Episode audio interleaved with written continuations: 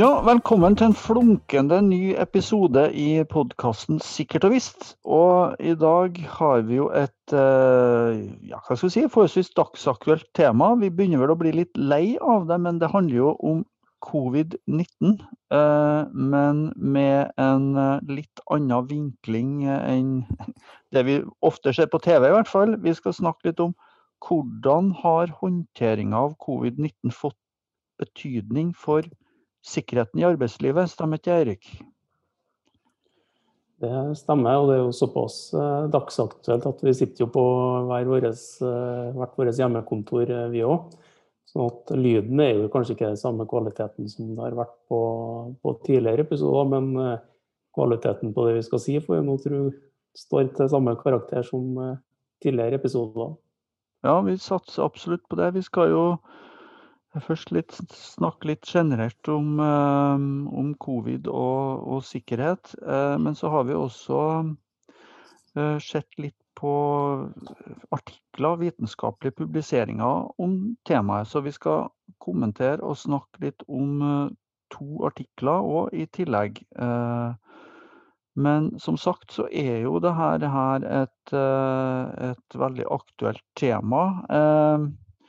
Så hvis, skal, hvis, vi skal snakke litt sånn løst og fritt i starten om hvordan i verden kan covid-19 ha fått betydning for sikkerheten, så er det jo egentlig eh, flere ting vi kan trekke fram. Um, har du noe innspill på det, Eirik? Ja, det har jeg. Så tror jeg vi skal sette en litt sånn uh, early warning på episoden her. og at uh, Selv om podkasten er det sikkert og visst, så er det ikke sikkert det blir like mye visshet om alt det vi snakker om i dag. Eh, vi ønsker jo å formidle kunnskap, og i dag snakker vi om et tema som er såpass ferskt at det er kanskje ikke så mye kunnskap om det. Så at vi deler vel episoden litt med noen betraktninger her fra vår del i, i starten. Så klart at Arbeidslivet har jo endra seg siden eh, mars 2020. Og vi skal ikke begi oss ut på noen helsefaglige vurderinger her, men vi kan vel slå fast at smitte skjer mellom folk. Mm. Og arbeidslivet er jo en plass der folk møtes, og derfor er jo arbeidslivet en potensiell arena for, for smitte.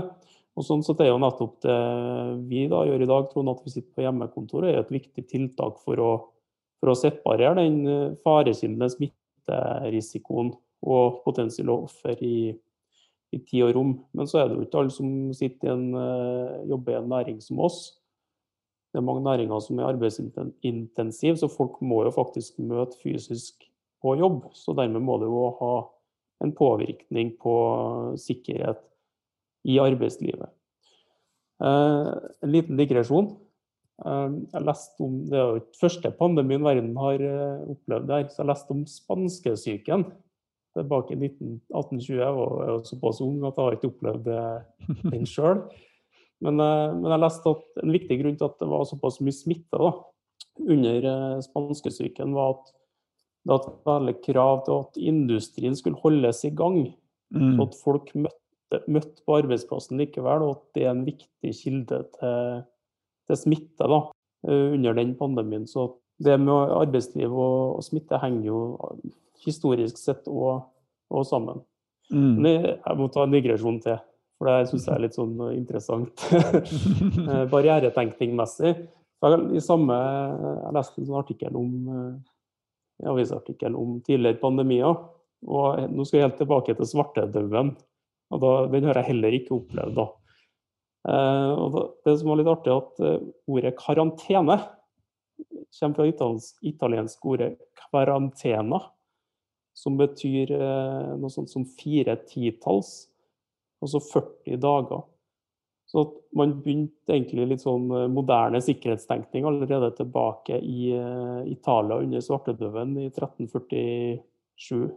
Der man satt uh, skip da, og mannskap i karantene i fire titalls dager, altså 40 dager, for å hindre at det kom smitte da, fra det mannskapet til befolkninga i de byene som skipene la til. Mm. Så det er jo ikke noe annet enn moderne sikkerhetstenkning med å separere farekilde og potensielt eh, offer i, i, tid og rom. Det er akkurat mm. det samme som sagt som vi gjør i dagens koronasituasjon. Men det er jo Samme prinsippene gjelder jo for maskinsikkerhet, med å ha Mm. avstand mellom bevegelige deler og en operatør, og samme i veitrafikken med separate kjøreretninger og Mm. egne gangfelt. Så det er jo noen sånne interessante overganger mellom sikkerhetsteori om måten man håndterer pandemier på. Ja, det der er jo interessant, for eh, har, det er jo et kjent prinsipp innenfor sikkerhetstenkinga, altså med Hadden og hans ti prinsipper. eh, og eh, det er klart at det her med å separere eh, folk fra potensielt farlig energi både i tid og rom, er jo noe vi gjerne snakker om eh, kom opp på 30-tallet. Men er klart, når vi snakker om svartedauden, så, så er, det jo, er det jo en del yngre, det dette prinsippet. Nei, jeg har jo òg snakka litt med, med, folk i bygg og anlegg, da. Bl.a. en HMS-rådgiver som heter Christian. Eh, og eh, liksom bare diskuterte litt løst og fast hvordan covid kan ha fått betydningen for sikkerhet i den bransjen. og det vi kom fram til da, det var jo spesielt eh, ja, tre kan kalle hypoteser da, om, om uh, hvordan det her kan ha påvirka sikkerheten. Det ene er jo at uh, liksom, arbeidet med, med, covid og, og smittevern osv. har tatt veldig mye ressurser. Dvs. Si, HMS-arbeidet har blitt mer covid-management enn safety management. Mm. Uh, og et annet moment kan kanskje være, også en hypotese, da, at uh, Arbeidstilsynet, det vet vi jo, Arbeidstilsynet har jo fått uh, nye oppgaver knytta til covid. altså Man skal jo følge opp karantenebestemmelser og andre bestemmelser om distansering osv. Så, videre. Så man kan jo tenke seg det at det har krevd mye ressurser for Arbeidstilsynet på bekostning av annen type tilsyn da, som har betydning for sikkerheten. Et tredje type hypotese kan jo kanskje være det at eh, i og med at en god del utenlandske arbeidstakere ikke kommer inn til Norge, eller i hvert fall må i karantene, så må kanskje andre med kanskje ikke så gode ferdigheter gjør jobbene som de skulle gjøre. Og og i og med at uh, de vikarene, da, for å kalle det kan ha mindre erfaring, så, så, så, kan man jo tenke seg at de kan gjøre flere og potensielt farlige feil. Da. Så det er jo i hvert fall uh, noen common sense-betraktninger rundt det. Og, men du har vel, og vi har jo hatt kontakt med Arbeidstilsynet mer direkte om, om temaet her òg, Erik? Ja, vi har jo det, og det, det ligger jo litt informasjon ut på arbeidstilsynet.no òg. Og det er jo fra november at Arbeidstilsynet har fått en jobb da, med å føre tilsyn om, om, smittevern på norske arbeidsplasser. Arbeidstilsynet har jo på, på hjemmesidene sine en oversikt over statistikk da, for tilsyn, og i, totalt sett så har de ført 3786 tilsyn med, med smittevern. Jeg ser også at i 32% av dem har de avdekket minst ett brudd. Da. Hovedvekta av de tilsynene har jo gjort, i 2021. Det er fra november i 20 at Arbeidstilsynet har fått det som oppgave å føre tilsyn med smittevern. Så i, bare i 2021 da, har de utført 3786 tilsyn med, eh, om smittevern.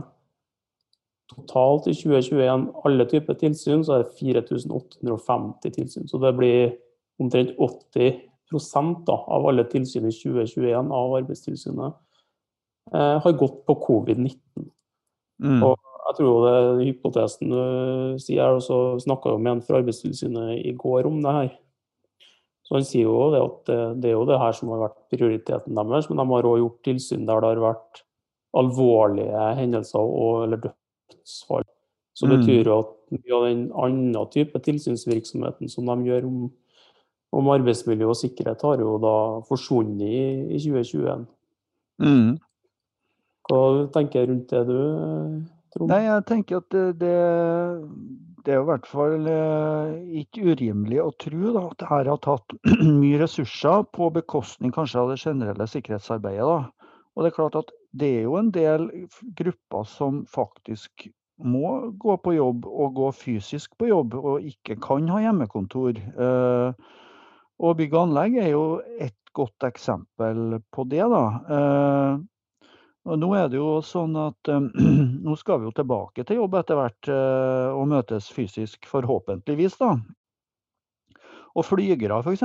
er jo òg ei gruppe som, som måtte, ja, Luftfart har jo vært hardt ramma, som vi alle vet, men uh, piloter skal jo tilbake på jobb.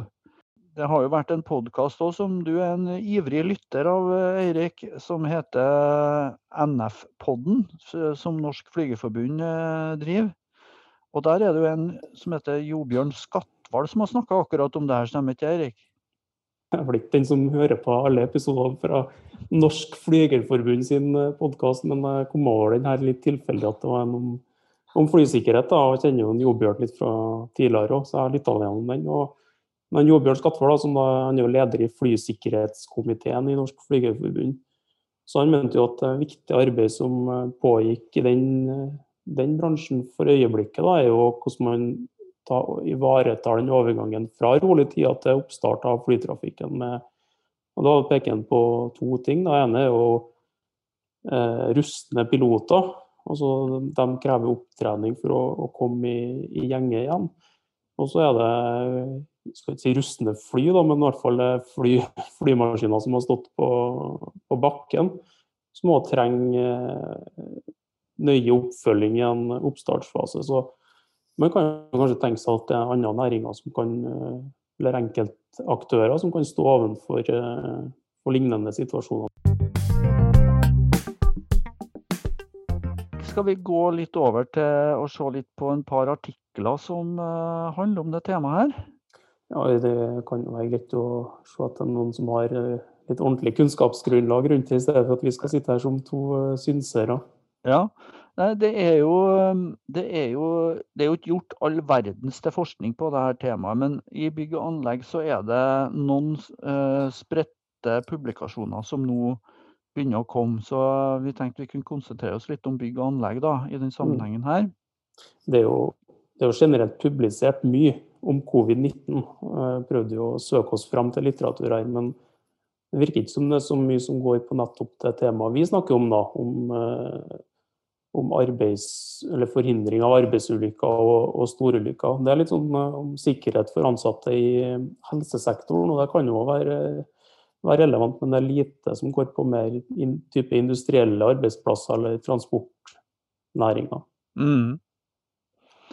Nei, Den jeg har sett litt spesielt på, det er en artikkel som er skrevet av ei som heter Shelly Styles, som, uh, som har publisert den her i et, et, tidsskrift som heter Human Factors and Ergonomics in Manufacturing and Service Industries.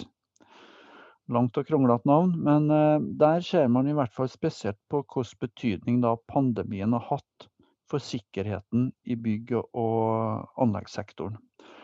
Og det her er en, eh, det er en kommentarartikkel. Dvs. Si at eh, det er ikke gjennomført noe dedikert empirisk arbeid her. Eh, men man presenterer noen observasjoner og, og noen kommentarer til denne problemstillinga. Og det er si, veldig kvalifiserte folk. Det, her, det er jo både praktikere og, og forskere som måte, har nær kontakt med, med industrien. Da. Og, så de har noen interessante refleksjoner og også noen, måte, noen, praktiske råd om hvordan man, man kan håndtere situasjonen og, og, hvordan man kan måte, bygge på dette momentet da, som man egentlig kan si at, eh, at pandemien har, har vært. Da. Så de eh, starter jo, starter jo, egentlig med å si litt om konteksten her. Da. Altså, eh, bygg og anlegg vet vi jo, det er jo en bransje som er prega av måte, høy grad av kompleksitet. Altså det er, det er ofte, som oftest prosjektorganisert, ikke sant? Med, som har en start og en slutt. Det er mange aktører. Det er uh, hovedentreprenører, det er underkontraktører, det er byggherrer osv. Og, og det at det er såpass komplekst, gjør jo, vet vi jo, gjør jo kommunikasjon om HMS generelt litt utfordrende, da. Og, og sammenligna med andre bransjer så ligger man jo i bygg og anlegg høyt på ulykkesstatistikken i utgangspunktet. Dvs. Si man har mange skader, man har mange dødsfall sammenligna med mange andre bransjer. Så på toppen av det her, da, eh, eh, dvs. Si at man har en aktivitet som er kompleks og farlig, så da har man da fått denne covid-situasjonen med at man må Og det at man må faktisk utføre arbeidet som normalt, til, i mange tilfeller da, eh, og holde et tidsskjema til tross for at man har den situasjonen som man har. Og klart Bygg og anlegg var jo en av de første som ble ramma av, av covid-19 og, og har generelt hatt ganske høye smittetall. da. Men det er jo utarbeida en god del retningslinjer fra myndighetene, eh, både i Storbritannia, som denne artikkelen er fra, da, og, og i, i, i, Norge. Da. Og det som eh, man har observert her, da, det er at man eh, i, i hvert fall i Storbritannia da, har vært egentlig god til å implementere de her retningslinjene som har kommet fra myndighetene. og en mulighet er jo at bygg og anlegg kanskje er en sektor som er godt vant til å tilpasse endringer i forskrifter og reguleringer. Det, det, er jo på en måte ikke noen ny situasjon for bransjen at det kommer endringer. Og Sånn at eh, Man har jo observert at man egentlig fikk ganske fort på plass en god del tiltak, da, som testing og Uh, utspørring om symptomer ved innganger osv. Alle de her eh, kjente tiltakene som vi vet om. Og her, her i Norge så, så, fikk man jo karantenebestemmelser opp uh, relativt fort da, når det gjaldt utenlandske arbeidstakere. Og det, En annen observasjon som de forskerne her har gjort, det var jo at man også tok i bruk verktøy som eh, video, nettmøter eh, osv. ganske fort. QR-koder og det å bruke sosial, sosiale medier osv. kom man ganske fort på banen med da, når, eh, når her behovet oppsto. Og så har man også sett på både positive og negative implikasjoner av pandemien knytta til, til bl.a. sikkerhet. Eh, gjelder, Hvis vi tar det negative først, da, så kan vi avslutte med det positive. Eh, så er det er ett poeng noe av det vi har vært inne på her tidligere, nemlig det at fokuset på håndtering av pandemien kan ha gått på bekostning av det mer generelle ordinære sikkerhetsarbeidet. Altså man har Uh, generelt så har det jo vært mindre folk ofte på, på byggeplassene. Uh, altså at man har hatt mindre ressurser og folk. Og det, det å gå sikkerhetsrunder f.eks. har jo måtte, blitt vanskelig i og med at man skal holde sosial, sosial avstand. Og det at det generelt har blitt færre folk på anleggsområdene, det, det, kan jo være en fare for at man på en måte tar snarveier. Eh, det, det dukker opp workarounds for å måtte få jobben gjort, da, eh, når man kanskje ikke har den kompetansen man trenger eller har til vanlig på plass. Eh, og et annet poeng eh, er jo at tidsrammene for prosjektene, i hvert fall i, i Storbritannia, jeg tror kanskje det gjelder en, for en mange prosjekt også i Norge, tidsrammene har gjerne vært de samme, sjøl om man har fått mindre ressurser og, og mindre folk. Uh, med da fare for at arbeidspresset har blitt stort for, uh, for dem som har blitt igjen. Og Eh, de forfatterne her da, trekker jo frem at eh, noen har jo gått over til aktivitet 24-7 for å på en måte holde, holde tidsrammene, sånn at de ordinære skiftordningene er jo, er jo på en måte endra. Og, og, vi vet jo at det her med tidspress, fatigue, har jo betydning eh, for sikkerheten. Og så er jo selvfølgelig anleggsarbeidere under et generelt press også, med, med på en måte nedstenging. Og, og alt det medfører også på, på privaten, da, for å kalle det det. Når de, de poengene de trekker fram når det gjelder positive virkninger av pandemien, det, det handler jo litt sånn om at eh, det har blitt en sånn generell positiv oppmerksomhet rundt HMS-arbeid. Altså, altså, man har fått demonstrert både for ledelsen og for ansatte at det er mye som er mulig å få til, egentlig på kort tid, når HMS blir prioritert og når man setter inn betydelig innsats på det. Og det, det kan jo være en erfaring man kan trekke noe positivt ut av også fremover. da at man ser at man faktisk kan få til veldig uh, gode ting på forholdsvis kort tid, når man faktisk er, er nødt til det. Og En annen positiv effekt som de trekker frem, da, det er jo at man, uh, man har jo sett betydninga av hvordan uh, arbeidet organiseres. Da. Altså Spesielt dette med avstand som vi har snakka om. Det å holde avstand både i tid og rom. Eh, så kanskje kan pandemien ha ført til at man tenker mer generelt på hvordan arbeidet organiseres da, for, å, for, å, for, å, bedre sikkerheten. Og så er det jo klart noen, noen uh, uavklarte tema her òg, som, som, de peker på. Altså, vi var jo inne på det her med kompleksitet, at det er mange aktører osv. Da blir det jo et spørsmål da, om uh, koordinering av budskap mellom aktører. Hvem er det som skal formidle budskapene om tiltak osv.? Er det byggherre, er det hovedkontraktør, er det den enkelte underkontraktør? Eh, og hvordan får man til kan du si, konsistente bidra, budskap når det er såpass mange aktører inne i bildet? Så, men det er klart at eh, klarer man å få noen avklaringer på den type tema, så kan jo òg det være noe å ta med seg i det videre sikkerhetsarbeidet når pandemien er over. For det, det, er jo på en måte ikke noe, noe spesiell utfordring det er knytta til covid. Det, det, handler jo mer og, Det er også relevant i hvert fall da, for sikkerhetsarbeidet eh, generelt. Mm.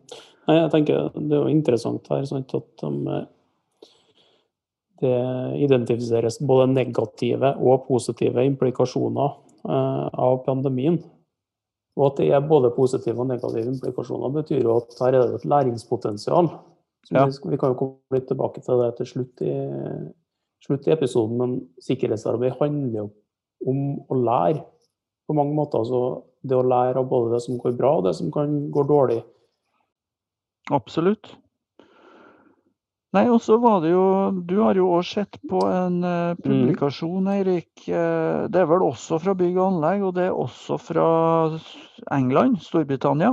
Ja, det stemmer. Det er en Det er ikke en artikkel, det, det er mer en rapport, en forstudie, tror jeg de ønsker å, å kalle det, som var utført i Storbritannia. Den er publisert i august 2020.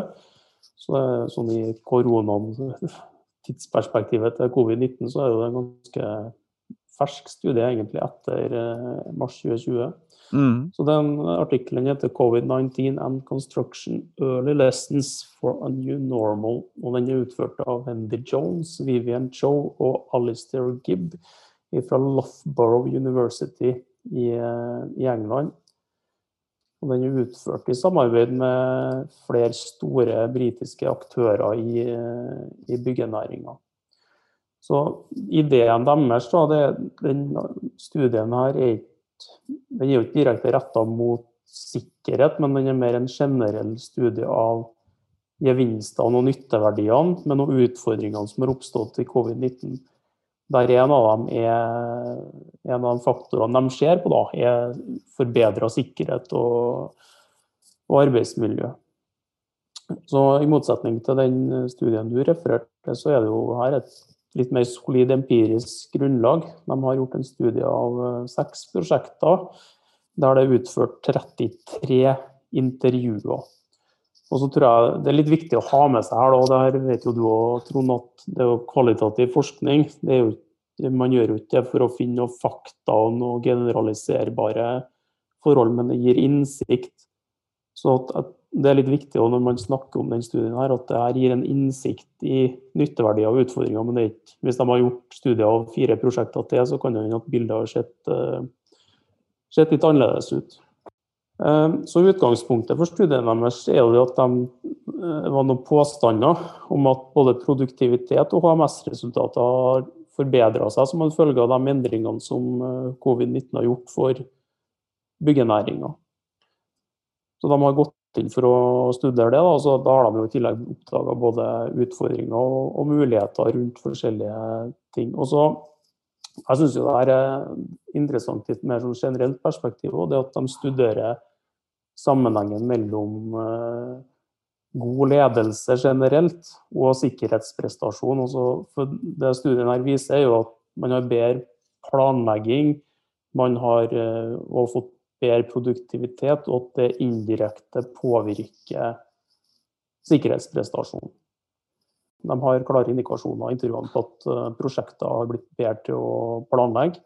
Både bedre som fremoverplanlegging, altså fremdriftsplan. Eh, men også at man har blitt flinkere til å gjøre mer detaljerte planer for spesifikke oppgaver.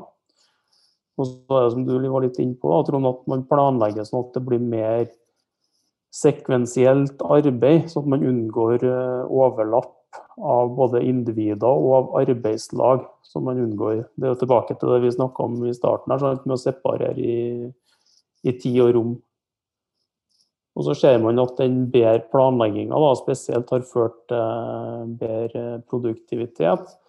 Et sitat her som jeg tenkte jeg skulle ta fra undersøkelsen, at uh, det sies at med de nye måtene å tenke på, så trengs det bare 7,5 personer for å gjøre samme jobb som 10 personer gjorde. Og Det er et prosjekt som viser til at selv om de har hatt 50 reduksjon av arbeidstid, så har de hatt bare 30% reduksjon i produktivitet og, og fremdrift. Så samtidig så det er igjen tilbake til litt svakhetene med eller svakhetene, egenarten til, til, kvalitative studier. Så er det noen av dem som intervjuer som er litt i andre enden at uh, det har ikke nødvendigvis ført til bedre produktivitet, for det er færre fagarbeidere på byggeplass. Ikke bare at totalt sett, men at det er færre til stede samtidig.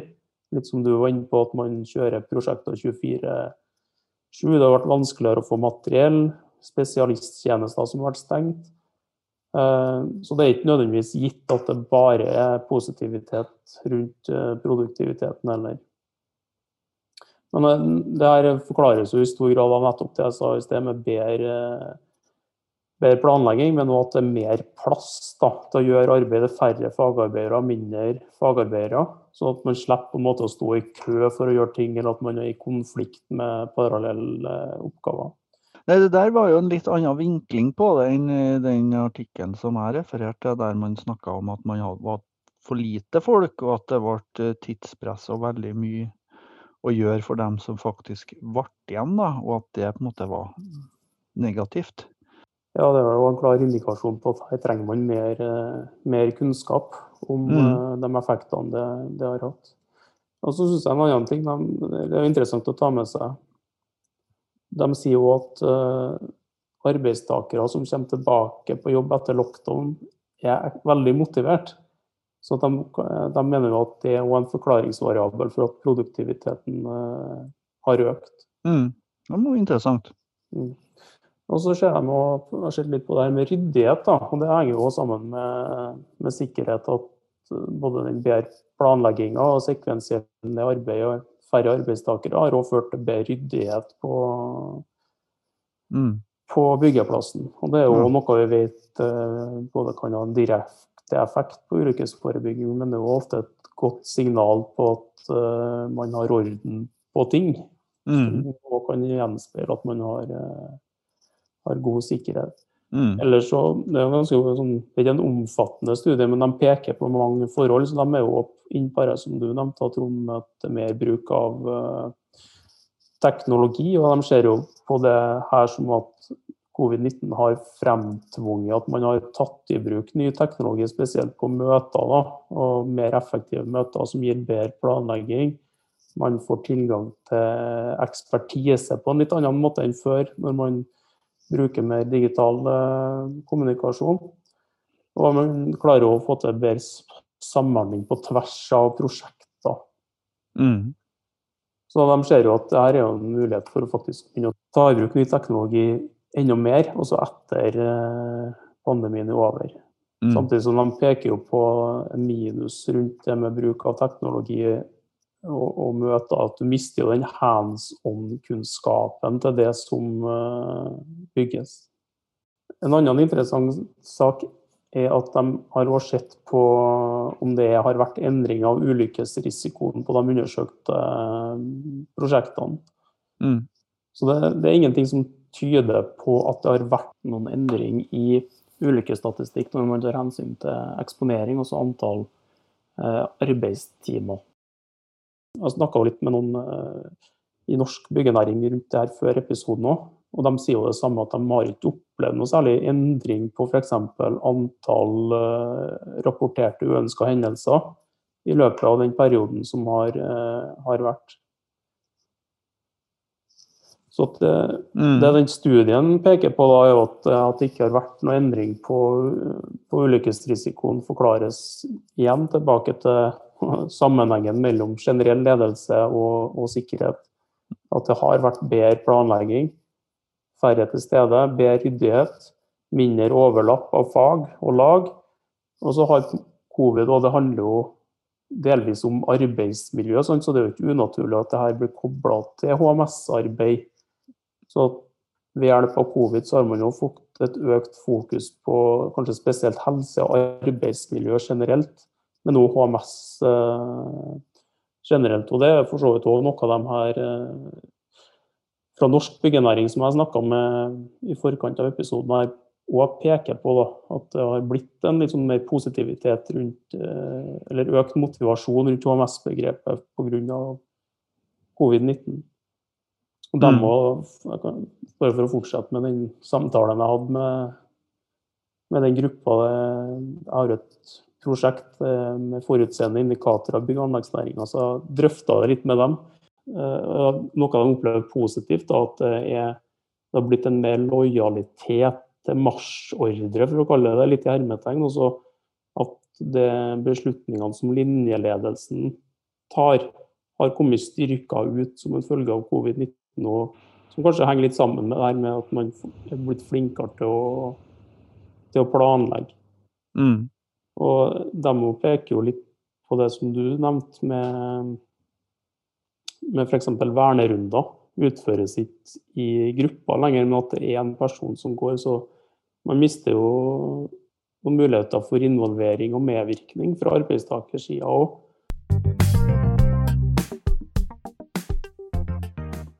Nei, Det blir jo veldig interessant å se litt. Eh, nå er jo det her litt kall for case-studier. da. Eh, men det blir jo veldig interessant når man begynner å få tall kan du si, på bransjenivå. Da, eh, og om, om det her gir seg utslag i måte, skadetall i en eller annen retning. Men det må vi på en måte vente litt på før vi får. Men la oss si tallene for, for 2021 kan jo på en måte bli interessant i, i den sammenhengen. da det er jo ikke gitt at det blir så annerledes heller, når man skal ta høyde for eh, Man må jo ta høyde for antall arbeidstimer som, som er lagt ned. Men jeg er enig, det er veldig interessant å, å se. Jeg tror det vi har vært gjennom nå da, med de to britiske studiene, jeg tror det er viktig forskningsarbeid også fremover for å, for å identifisere både de negative effektene, men ikke minst de positive effektene som vi ser tendenser til her òg, for å lære. Og det var som mm. vi var inne på tidligere, med at sikkerhet handler jo i bunn og grunn om læring på mange måter. Av både det som har skjedd feil, men også det som eh, går bra. Så det handler om læring både for å håndtere sikkerhet i arbeidslivet i fremtidige pandemier. Det kan jo skje igjen. Men kanskje like viktig å identifisere det som har vært en solid forbedring Eh, av sikkerhetsarbeid under pandemien. Og så er det klart er det antageligvis en fare hva, hva skjer med de positive effektene spesielt kanskje i bygg- og anleggsnæring der vi vet at det, det er en hektisk arbeidshverdag. Hva skjer når vi kommer tilbake til normalen? Der eh, det begynner å bli travelt. Man står og tramper opp andre faglag. Det er kamp om kontrakten for neste prosjekt. Klarer man å bevare de positive effektene også i en, eh, en normalsituasjon? Ja, da har vi jo vært gjennom de to artiklene. Eh, vi må bare oppsummere litt til slutt, Erik. Eh, og hvis vi da bare skal se litt på både positive og negative effekter av eh, covid på sikkerheten, basert på de to artiklene, så ja, la oss si vi begynner med det negative, da. Så er det egentlig begge eh, Eh, artiklene, publikasjonene snakker jo om at uh, det her jo, har jo tatt mye uh, ressurser uh, også for HMS-avdelinga og HMS-arbeidet. Sånn at for en del så har det blitt mer covid-management, kanskje på bekostning da, av safety management og HMS-arbeidet generelt. Og, og, det har jo òg blitt, i en del prosjekter i hvert fall, mindre folk, mindre ressurser både i prosjekt, de enkelte prosjektene, men også, som vi har hørt, eh, blant eh, tilsynsmyndighetene. Som også har vært eh, veldig travelt opptatt med covid og covid-tilsyn. Og en annen effekt kan jo òg være at man har fått mindre synlige ledere. Vi vet jo at ledelse har stor betydning for sikkerhetsarbeid. Eh, og det at man ikke kan gå sikkerhetsrunder f.eks., eh, eller møte folk ansikt til ansikt i samme grad som før, kan jo også være en sånn negativ effekt av, eh, av covid. Absolutt. Og det, det, er jo noe denne britiske studien peker på. Nå snakker jeg veldig rundt de positive effektene som er identifisert, og det, det er jo hovedsakelig det. Men de peker jo på noen negative effekter for HMS, og det som blir løfta fram da, er jo for så vidt det samme som du sier, men spesielt her med mindre synlighet fra både funksjonærene, altså lederne på prosjektet, men også ledere generelt i organisasjonen. For det er jo stort sett dem som har havna på hjemmekontor. Det, det er jo ikke arbeidsintensivt i form av fysisk arbeid, det arbeidet som ledere gjør. Men jeg er også enig i at vi vet jo at det har betydning. Det engasjementet som ledere viser, har betydning for sikkerhet. Mm.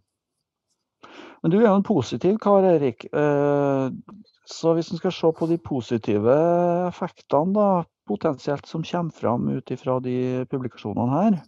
Jo, takk, takk for at jeg, du syns jeg er det. Eh, jo, det er jo generelt så opplever jeg både fra studiene her og folk vi har snakka med, at eh, det har jo gitt et positivt moment for HMS-arbeidet med covid-19. Det henger jo litt i hop med arbeidsmiljø og, og, sikkerhet. Så at man har opplevd nok en positiv boost da, rett og slett rundt HMS-arbeid. Eh, en annen positiv eh, mm. faktor vi ser i de to artiklene, er jo at det tas i bruk ny teknologi. Som man mener er positivt både for sikkerhet, arbeid og, og planlegging. Og så er det spesielt den siste artikkelen eh, som jeg snakka mest om, da, tar jo for seg det her med at man har blitt satt i en situasjon der eh, man har vært nødt til å planlegge på en annen måte, som har ført til bedre planlegging av, av arbeidet, som da har den indirekte effekten at det òg har gitt bedre eh, sikkerhet på, på byggeplass. Mm. Men eh, Trond, vi har jo snakka litt eh, i litt forskjellige retninger rundt covid-19 her, men det kunnskapsgrunnlaget vi uttaler oss på, er vel ikke eh, kjempesterkt? Nei, det, det, må vi jo presisere kanskje. At det er jo veldig mye vi ikke vet ennå. Og det er gjort lite forskning på det. Og det som vi forskere ofte sier, det må mer forskning til. Eh, og det gjelder i hvert fall på det feltet her. Eh, vi har litt lite å forholde oss til. Dette var jo to uh, britiske studier. Eh, det er vel gjort veldig lite i norsk sammenheng, så det kan jo f.eks. være en jobb for oss. Men i hvert fall blir det òg interessant å, å, å, se på nå da, hvordan de, de generelle tallene utvikler seg i, forbindelse med covid. Eh, men i hvert fall, jeg tror det er et, sånt, et viktig punkt her da, eh, å ta ut, det er jo også at det kan være noe positivt å hente ut av den vanskelige situasjonen vi har vært i. At det måtte ha gitt et moment for HMS-arbeidet generelt, og at det er noe vi nå da har mulighet til å utnytte i det videre sikkerhetsarbeidet generelt. Så da kommer vi tilbake med en ny episode om et eller to år, når vi kanskje vet mer om uh, situasjonen. Når vi, har fått, vi, eller andre har fått gjort litt mer forskning på det her i en uh, norsk sammenheng. Vi skal òg legge ut en lenke til den artikkelen og rapporten som vi har har prata om. De er åpent tilgjengelig på, på, nett, så da kan jo den som vil gå inn der og lese mer. Og kommenter gjerne episoden vår eller tidligere episoder på, på LinkedIn-sida vår òg. Da sier vi takk for oss og Ikke for å nåles.